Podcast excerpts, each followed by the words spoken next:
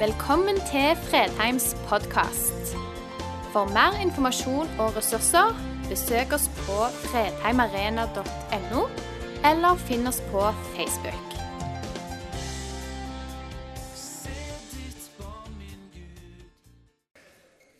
Denne dagen, alle helgensøndag, det er jo en gammel, gammel kirkefest for dem som har gått foran. Det er altså like mye en fest som det er en sorgens dag, og det er jo litt spesielt. Men så skal vi få være med, som det er blitt sagt, og minnes de som gikk foran. Mange av oss har mistet noen av dem som vi var mest glad i, aller mest. Og mange strever enda med sorgen og med de mange spørsmålene. Så kommer vi fram med dem på gudstjenesten her i dag. Vi kommer gjerne med klagen og smerten og ropene våre. Men disse ropene og denne smerten er jo nettopp et uttrykk for vår tro på at Han som har lovet å være med alle dager, han er med deg, med meg, helt til verdens ende.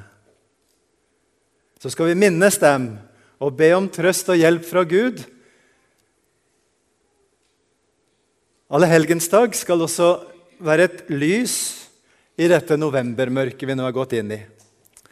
I takknemlighet så takker vi for det som står igjen etter dem som har gått foran. Vi takker for alt det de har etterlatt seg, alt det, alle de gode minnene, det de har gitt oss.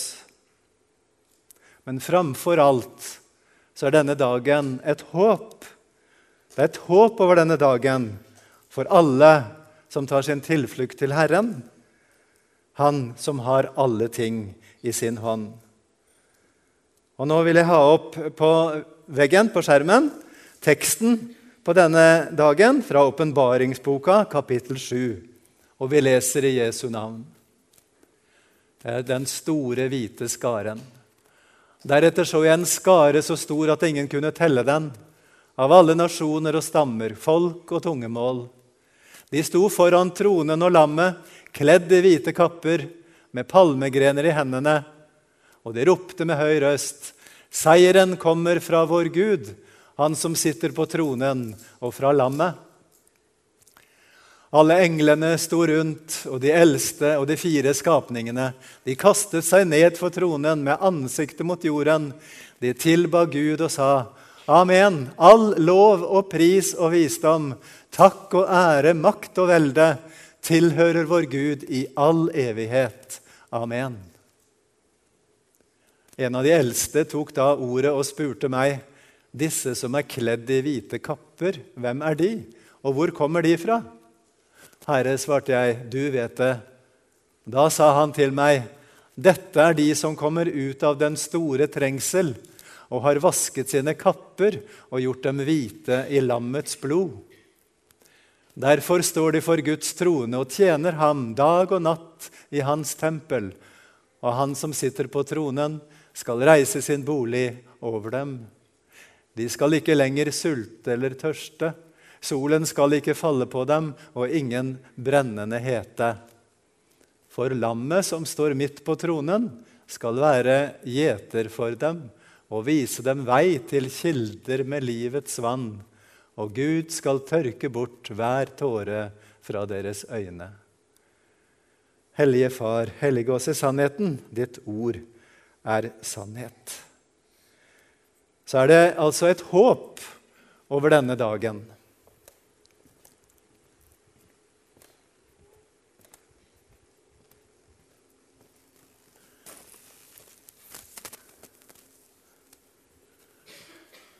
Nå tok ikke jeg sjansen på å få opp Malte riktig enda, men eh, jeg har i hvert fall fått tak i en dåpskjole.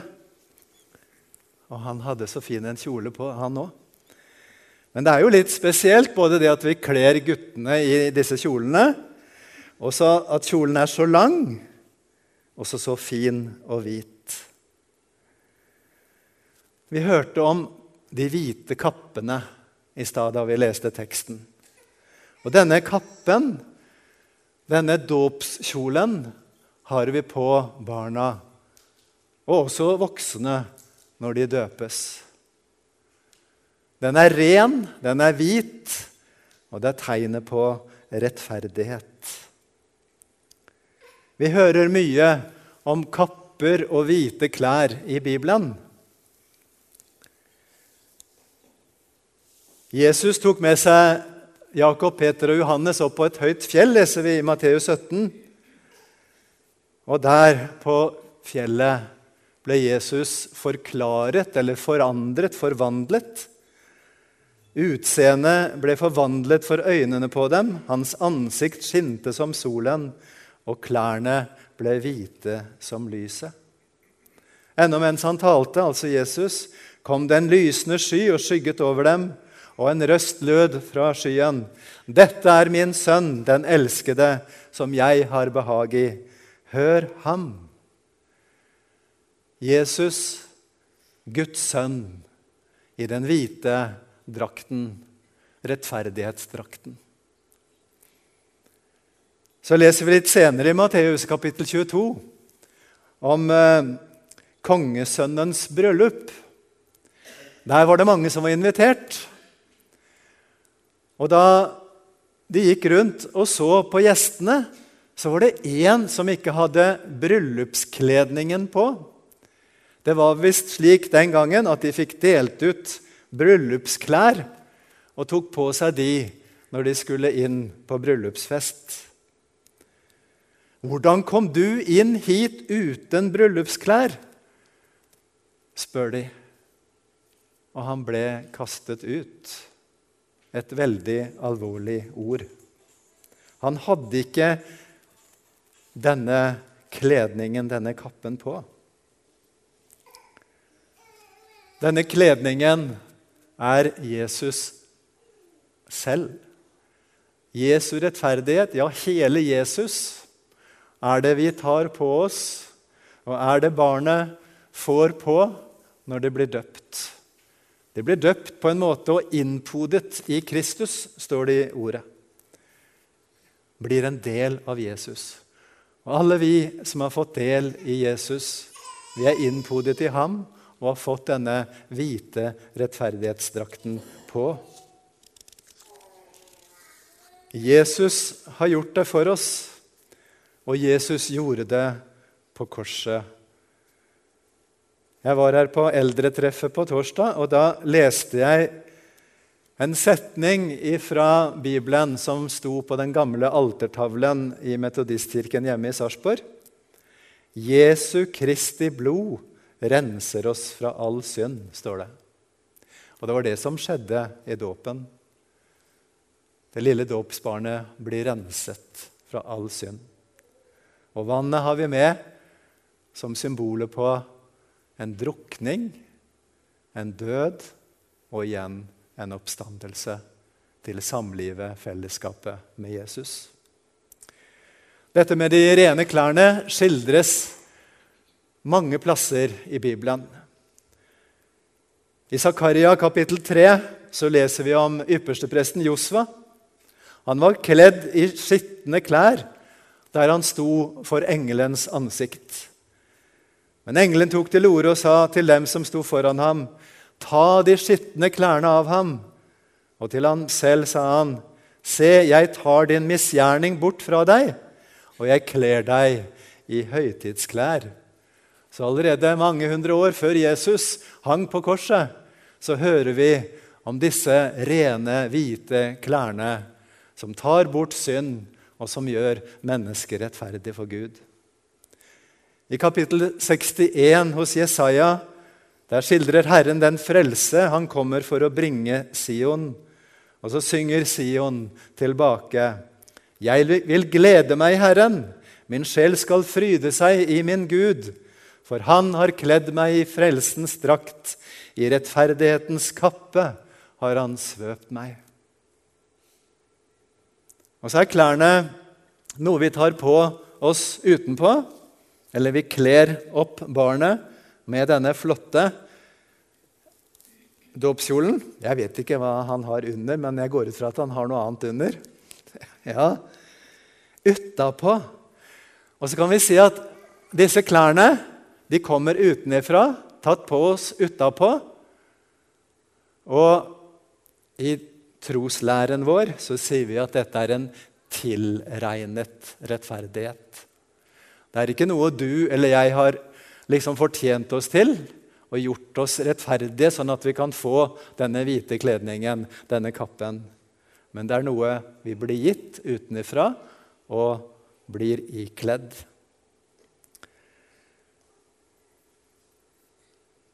En gammel eh, bedusang går sånn Det er nok, det som Jesus gjorde.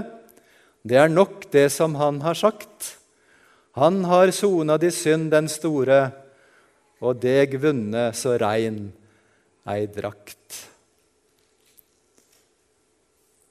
Og I Kolosserne 1,22 så skal jeg stå for Gud i en annen person fordi Kristus er mitt liv. Ved troen på Jesus er vi hellige, ulastelige og ustraffelige. Det er nesten som denne kappen er det vi har vært så opptatt av dette året med, med Lutherjubileet. Det er nåden alene. Vi har fått nåde utenifra. I den svenske bibelen så står det noe annerledes enn i vår i 2. Korinterbrev 12,9. Der står det jo at 'min nåde er nok for deg'. I den svenske står det sånn 'Min nåd er alt du behøver'. Det er ikke bare at nåden er nok for meg, men det er også alt hva jeg behøver for å leve som kristen her i livet og kunne stå for Guds domstol. Og så er det den kjente fortellingen om den fortapte sønn. Hva var det som skjedde med han? Han levde et liv langt borte fra faren, langt borte fra Gud, i et tøylesløst liv. Men så kom han til seg selv, og han sa han ville stå opp og gå hjem til sin far. Han løp, Faren løp ham i møte falt ham om halsen og kysset ham. Da sier sønnen, 'Far, jeg har syndet mot himmelen og for deg.' 'Jeg er ikke lenger verdig til å kalles din sønn.' Men så sier faren, 'Skynd dere, ta fram den beste kledningen og ha den på ham.' 'Jamring på hånden og sko på føttene.' 'Hent gjøkalven og slakt den.' 'La oss spise og være glade.' For denne min sønn var død og er blitt levende. Han var tapt og er blitt funnet. Og så begynte festen og gleden. Og i den siste boka, åpenbaringsboka, Åpenbaringen 3, så sies det om menigheten i Sardes. Men du har noen få navn i Sardes som ikke har sølv til klærne sine. De skal gå med meg i hvite klær, for de er verdige til det. Den som seirer, skal på samme vis bli kledd i hvite klær. Jeg skal så visst ikke utslette hans navn av livets bok, og jeg vil kjennes ved han, hans navn for min far og for hans engler. Så består seieren ikke i det han eller vi eller de har gjort, men seieren består i å eie Jesus, som er seierherren. Det er ikke fordi vi selv eller de selv er verdige, eller at de har lykkes bedre enn alle andre mennesker. Men det er fordi Jesus han er blitt alt for det mennesket. Han er blitt alt for deg, og han er blitt alt for dåpsbarnet i dag.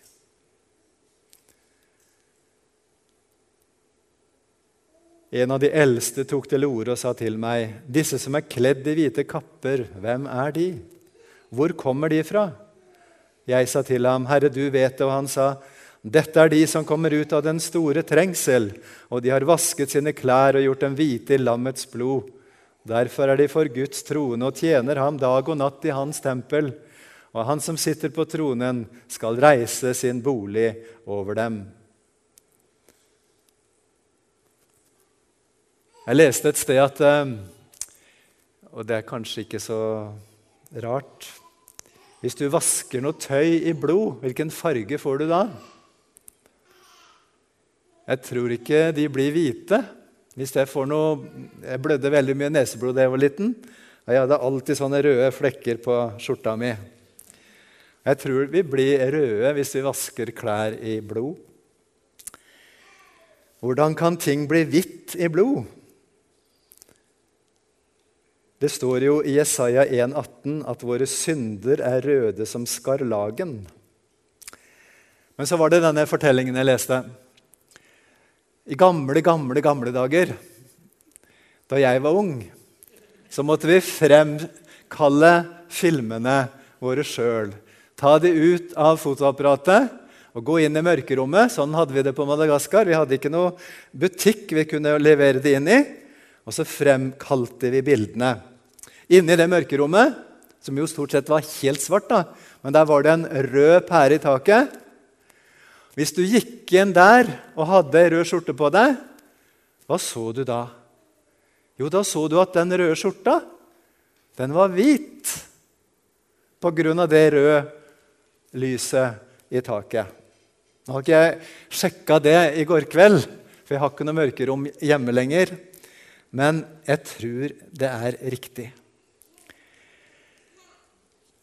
Hør hva det står i profeten Jesaja kapittel 1. Vask dere og gjør dere rene, for de onde gjerningene, få de onde gjerningene bort fra mine øyne. Hold opp med å gjøre det onde, og lær å gjøre det gode. Legg vind på det som rett er. Før voldsmannen på den rette vei. Hjelp den farløse til hans rett, og ta dere av enkers sak. Og så disse kjente versene. Kom, La oss gjøre opp vår sak, sier Herren. Om deres synder er som purpur, skal de bli hvite som snø. Om de er røde som skarlagen, skal de bli hvite som ull. Som snø og som ull. Så er det altså når vi renses i Jesu blod, at vi kan være hvite og rene for Herren. Dåpen vasker oss rene. Men du kan også få ta imot Jesus, om du ikke har gjort det, her i menigheten på Fredheim i dag. Og bli vasket på nytt ren for alle dine synder, og få leve i den levende troen på ham. Det sto én ting til om disse med de hvite kappene. Det er de som er kommet ut av den store trengsel. Nå vet jeg ikke om dere husker lenger hva dere har gitt penger til i dag. Det var altså åpne dører.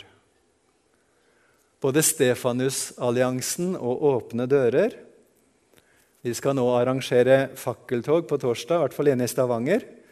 De arrangerer fakkeltog for de forfulgte.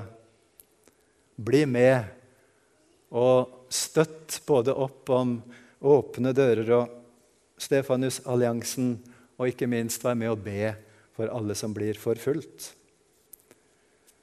Når jeg leser disse tekstene fra åpenbaringsboka, så tenker jeg på en film som vi viste veldig mye på Madagaskar.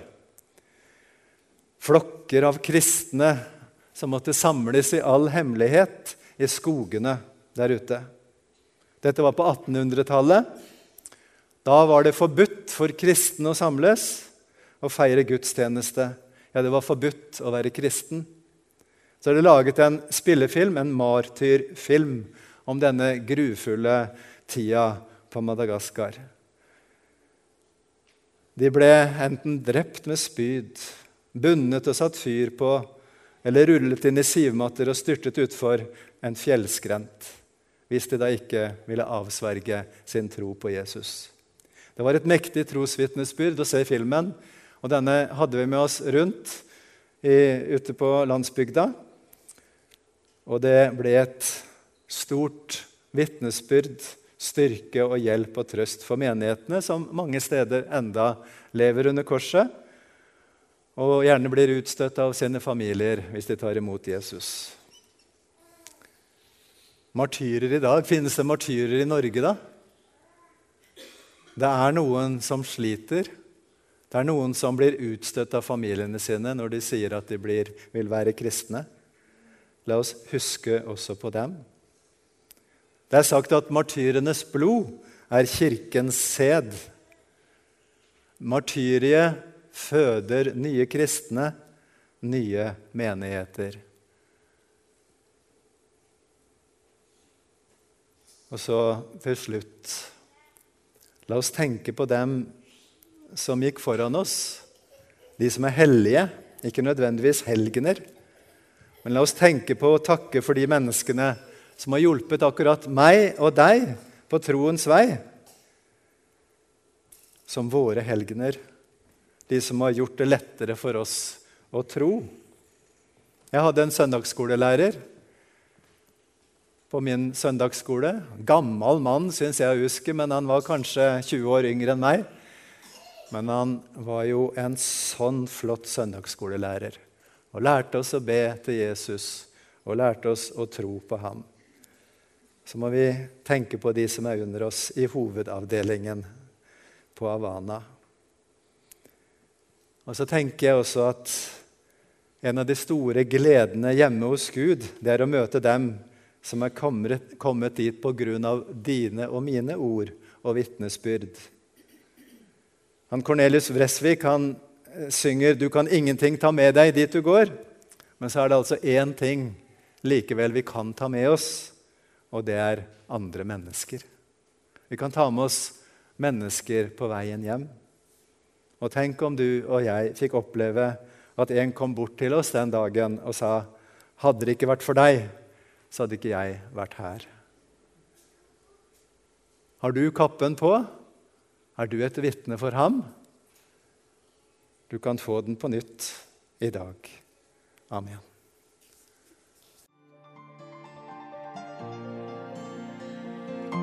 Takk for at du valgte å høre på. Nye opptak legges ut hver uke.